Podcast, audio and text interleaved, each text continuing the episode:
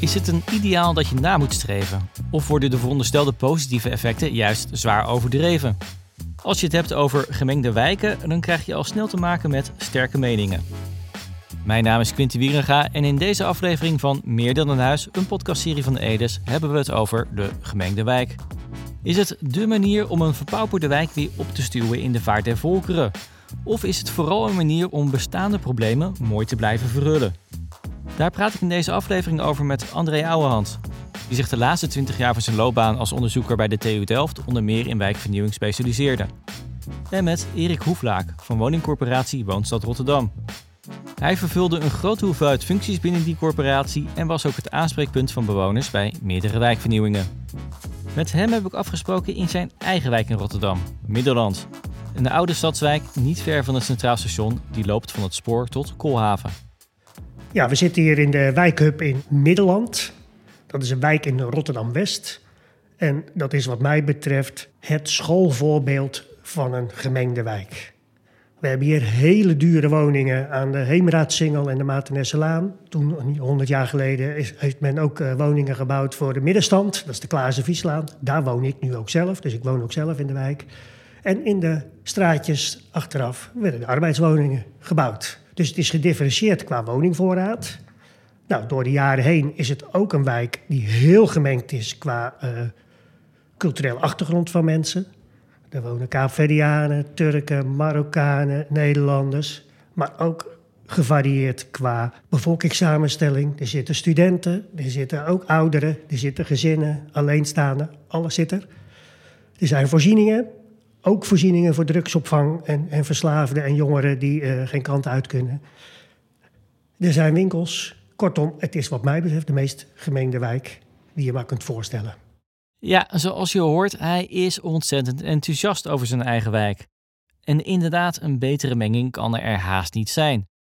En dat zeg ik nu allemaal wel, maar we hebben het nog helemaal niet gehad over wanneer een wijk nou een gemengde wijk is. Is daar eigenlijk een definitie van?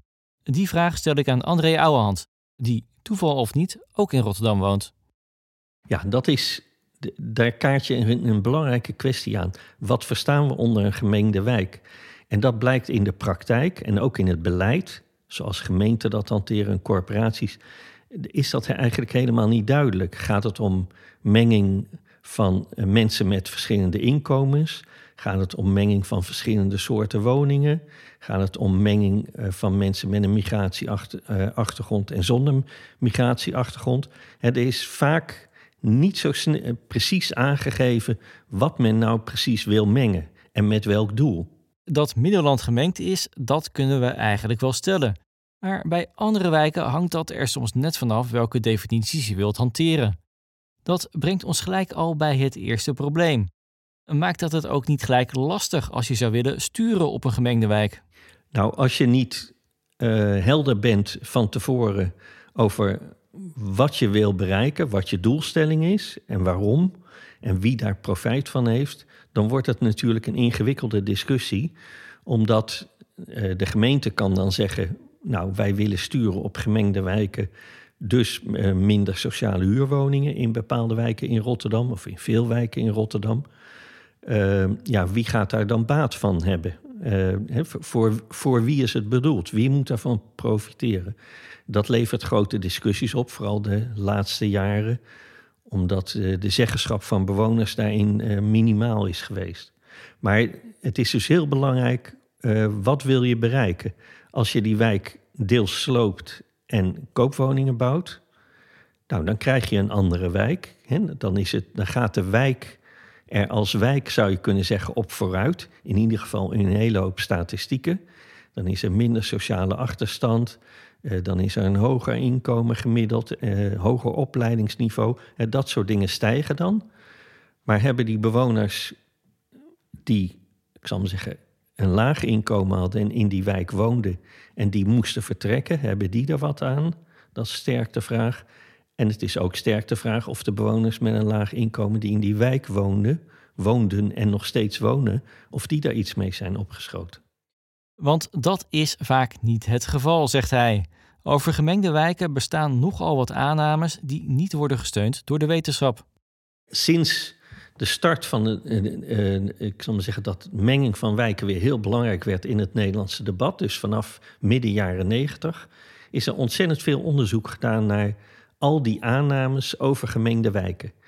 uh, klopt het dat, dat die mensen met een hoog inkomen nou een rolmodel zijn voor die andere, voor die buurtbewoners? Dus het spreekwoordelijke man die met zijn pakje brood achter op zijn fiets naar zijn werk gaat en dat andere mensen dat ook zien, dat dat goed is, werkt dat ook zo. Nou, daar uit onderzoek is gebleken in de afgelopen jaren dat dat niet erg het geval is. Um, hebben die nieuwe inwoners en die oude inwoners ook veel contact, zodat die oude inwoners, om het maar even zo te zeggen, gebruik kunnen maken van het sociaal kapitaal van die nieuwe inwoners. Bijvoorbeeld bij het krijgen van een stageplek of dat soort dingen meer. Dat blijkt ook maar zeer beperkt het geval te zijn. De verschillen tussen gemengde wijken en niet gemengde wijken uh, waren uh, niet noemenswaardig. Dat sociaal kapitaal komt vooral tot stand door school, door familie, uh, opleiding, dat soort dingen en werk, maar niet zozeer door de buurt.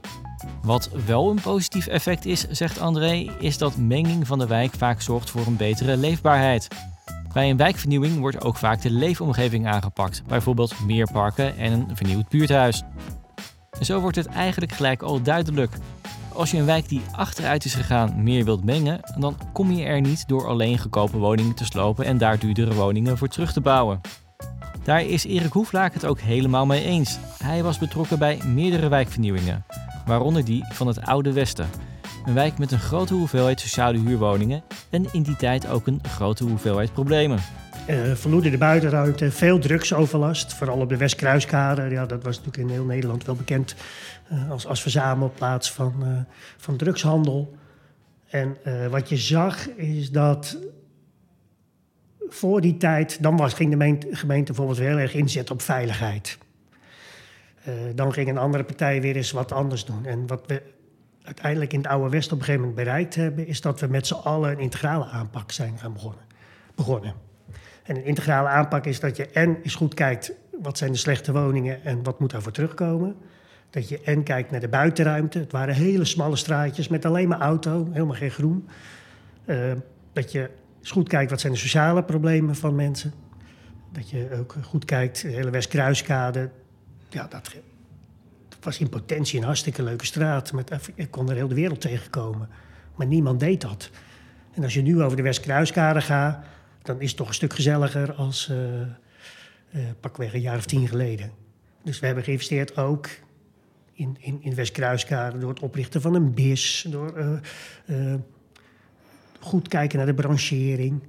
Woonstad heeft toen ook wat panden opgekocht, zodat we ook de winkels ja, liever maar een maandje leeg staan als je nog geen goede ondernemer had. Nou, dus op die manier. En omdat in die tijd zomaar een koopwoning in het oude Westen bouwen ook niet zo uh, succesvol was. Want mensen durfden dat gewoon niet aan. Ja, in welke wijk koop je nou eigenlijk? Hebben we dat eigenlijk een beetje met een acupunctuurachtige manier gedaan. Met kluswoningen, een CPO-project. Dat trekt toch wat mensen aan die, uh, ja, die wel wat durven of ondernemend zijn. En dus in die wijk willen gaan wonen. Het opknappen van die wijk was dus een integrale aanpak, zegt hij, met de gemeente en corporatie als speel. Maar dat was wel een andere tijd. De gemeente maakte wijkvisies en daar participeerden wij in. Of de, de corporatie was daarmee bezig en die haalde dan andere mensen erbij. Er waren ook uh, budgetten van het Rijk, die waren wijkgericht. De of nou hier stadsvernieuwingsgelden waren of wijkaanpakgelden. Dus dat dwong je ook om gezamenlijk te kijken hoe ga je dat nou eens uitgeven in de wijk op basis van een plan en een programma. Je zegt bewust toen der tijd, denk ik. Ja. Waarom? Nou, omdat het Rijk zich uh, behoorlijk teruggetrokken getrokken heeft uit wijken. Volgens mij zei Blok op een gegeven moment, ja, de wijken zijn wel af. Dat is natuurlijk een misrekening. Um, de corporaties mochten dat niet meer met de nieuwe woningwet. Die mochten alleen maar woningen verhuren. Nou, in de gemeente werden deelgemeentes afgeschaft. Dus het hele fenomeen wijk is uit het vizier verdwenen. Iedereen was met zijn eigen dingetjes bezig. Wij met het verhuren van woningen en vernieuwen en onderhouden. Uh, nou ja, de gemeente die deed zijn ding uh, als het ging om uh, veiligheid of, of, of, sociale programma's. Dus, dus er werd weinig meer gecoördineerd. Want er was niemand meer die daar het initiatief voor nam. Geen grote regisseur. Uh... Geen regisseur, maar ook geen gezamenlijkheid. André Ouwehand ziet dat ook. Hij promoveerde op de aanpak van de Rotterdamse wijk Zuidwijk. Een naoorlogse wijk met de nodige sociale problemen en veel woningen die in verval waren geraakt. Een gedeelte van de portiekwoningen werden gesloopt. Er kwamen één gezinswoningen voor terug, deels koop en deels huur. En ook de bestaande sociale huurwoningen werden verbeterd. Dat ging zonder grote problemen, omdat de buurt goed bij de plannen werd betrokken, zegt André. Maar dat was 15 à 20 jaar geleden. De laatste tijd gaat het vaak op een andere manier. De afgelopen jaren zijn er veel veranderingen geweest in de volkshuisvesting. Ehm, en uh, laten we zeggen, er zijn, als je het vergelijkt met 20 jaar geleden, 15 jaar geleden, dan zijn er in een gemeente als Rotterdam, ja, wordt er veel meer van bovenaf een plan gemaakt. Uh, bewonersorganisaties en bewonersondersteuning, uh, die zijn uh, verdwenen voor een groot deel. Uh, is ook niet meer ruim ondersteund vanuit de gemeente. Vroeger was er veel inzet vanuit welzijnswerk. En uh, bij, eh, ik zal maar zeggen, recente plannen die landelijk het nieuws hebben gehaald, zoals de Tweebosbuurt, ja, daar uh, is de sloop eigenlijk van bovenaf ja, gepresenteerd. We gaan dit doen. De bewoners kregen een brief. Ehm, we gaan uw huis slopen. En die bewoners woonden daar naar hun zin. Dus er werd niet met de bewoners gepraat. Nou, dat heeft heel veel verzet opgeleverd in die situatie. Geen integrale plannen dus die in goed overleg met elkaar werden gemaakt, maar een plan waarin de bewoners amper werden betrokken. De Tweebosbuurt die André aanhaalde is daarvan misschien ook wel het bekendste voorbeeld. Het leidde tot talloze protesten en zelfs een brief van de Verenigde Naties aan de Nederlandse overheid, waarin de rapporteur zich zorgen maakte over de sloopplannen voor die buurt. En de bewoners van die wijk die voelden zich niet serieus genomen. Nu uh, lopen we hier. Wat, wat, doet dat met je? Het uh, doet gewoon heel veel pijn dat dit soort woningen gesloopt worden. Ja, er blijft niks van over. Er blijft niks van over. Want ze willen hier alleen maar hippen hebben dadelijk. Uh, mensen die hoger opgeleid zijn dan ons en meer geld hebben. Natuurlijk moet je slechte woningen verbeteren of vervangen. Daar is vanzelfsprekend iedereen het wel over eens. Maar met herstructureren los je niet alle onderliggende problemen op. Waarschuwen zowel André als Erik. Zorgen voor goede sociale voorzieningen en luisteren naar wat de buurt zelf wil, is eigenlijk veel belangrijker. En Erik geeft een voorbeeld. Vroeger, zegt hij, was een wijk met veel sociale huurwoningen helemaal geen probleemwijk. De politieagent en de leraar die woonden er ook. Mensen kenden elkaar en hielpen elkaar. Er was een sociaal vangnet. Toen steeds minder mensen in aanmerking kwamen voor een sociale huurwoning, veranderde dat. Als alleen was een huismeester, liep ik mee door de, door de wijk. Die zegt, ja, het is wel wat hoor. Vroeger had je op een portiek en er woonde eens één iemand voor wie de wereld een beetje te complex was. Die andere vijf losten dat wel op. Maar nu is het bijna andersom. Er woont één iemand met een baan en die zijn leven redelijk op orde hebben. Maar de rest uh, is toch op een of andere manier uh, bezig met of zichzelf of met, uh, nou ja, met andere dingen. En ja, dat wordt baast wel schier onmogelijk. Ja, en dan begrijp ik de roep wel. we moeten dat een beetje mengen. Maar je kan ook zeggen van we gaan zorgen voor die mensen. En ik denk dat mengen, uh, ik denk dat dat altijd wel goed is in zekere verhoudingen. Maar dan ook andersom. Een wijk met alleen maar uh, dure woningen is volgens mij ook geen vitale wijk. Ik schrik er altijd van. Van de week alweer nog een voorbeeld. In Nesselanden wonen alleen maar, hè, zo'n Vinex-wijk met alleen maar dure woningen. Nou, daar gaat Woonstad nu wat bouwen, willen wij samen met de gemeente. Voor studenten, voor statushouder. Het is ongelooflijk wat voor reacties je krijgt. Waardedaling, veiligheid. Daar zijn we, de wijk niet van. En ik denk dat die mensen ook allemaal eens in de spiegel moeten kijken. In wat voor wereld leven ze eigenlijk? Het lijkt daar een gated community. En zou je zo, is dat ook vitaal? Ik denk dat dat ook niet vitaal is. Ik denk dat je allemaal onderdeel van de samenleving moet blijven. En daar horen uh, uh, iedereen bij. Iedereen moet wonen. Iets wat ook André Ouwehand zich afvraagt. Waarom kijken we ook niet naar de wijken die juist goed scoren in alle statistieken? Bij menging van wijken praten we heel vaak eigenlijk over de slechte wijken. We praten heel weinig uh, over de goede wijken. Dus als je wil mengen van wijken, als de gemeente dat zo graag wil, corporaties dat willen, dan zouden ze eigenlijk ook van bovenaf moeten beginnen. Ook in de wijken die bovengemiddeld goed zijn, zouden ze daar na moeten denken over menging. Uh, dat is heel belangrijk om draagvlak voor je beleid uh, te krijgen in zijn algemeenheid. Dus meer sociale huurwoningen in Kradingen? Bijvoorbeeld. Uh, of in Hillegersberg in Rotterdam, uh, om maar een paar voorbeelden te noemen. Maar die wijken zijn er natuurlijk al in alle steden. en dat geldt natuurlijk ook voor nieuwbouwwijken, waar dat percentage natuurlijk vaak laag is. En dat geldt soms voor de gemeente buiten Rotterdam. Dat is een belangrijke kwestie dat daar ook mensen terecht kunnen die ook in die dorpen wonen die lage inkomens hebben. Moeten we dan nu, als we alles afwegen, prioriteit gaan maken van gemengde wijken? Hebben gemeentes en corporaties een plicht om daar meer op te gaan sturen? Ja, ik vind niet dat ze een plicht hebben om te sturen op gemengde wijken. Ik vind dat gemeenten en corporaties zich met elkaar moeten inzetten voor goede wijken, leefbare wijken. En dat ze dat vooral moeten doen samen met bewoners.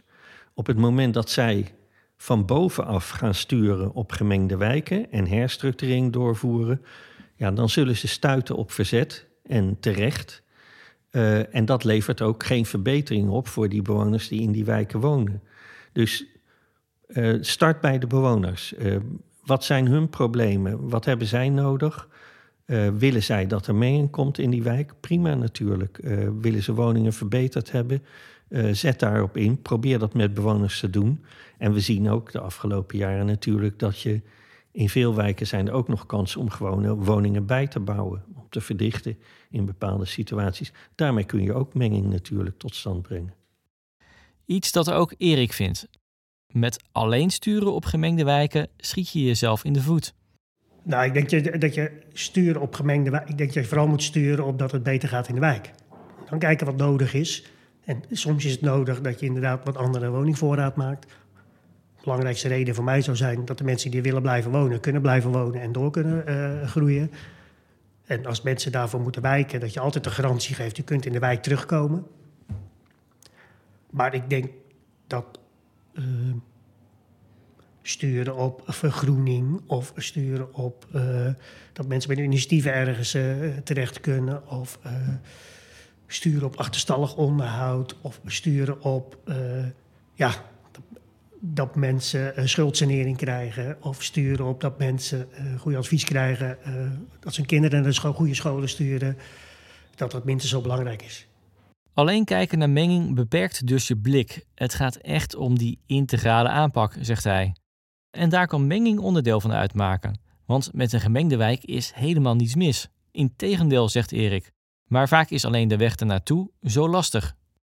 En het proces om te mengen, ja, dat leidt tot, tot, tot frictie en, en schuring en, en, en allerlei dingen die je daar maar uh, uh, bij kan verzinnen. Zowel in Nesselanden, waar je sociale woningen wil bijbouwen, als in uh, wijken die heel veel sociale woningen daar heb je het sentiment van uh, wijken voor de rijken. En, maar uiteindelijk denk ik, als mensen helemaal in een gemengde wijk wonen, dat ze zeggen: dit is een mooie wijk. Zoals hij dus ook zelf zegt over Middelland. De wijk waar hij al 30 jaar met veel plezier woont en nooit meer weg wil. Dit was het voor deze aflevering van Meer dan een huis, een podcastserie van Edes. Mijn naam is Quinty Wierenga en heb je nog niet alle afleveringen van deze serie geluisterd?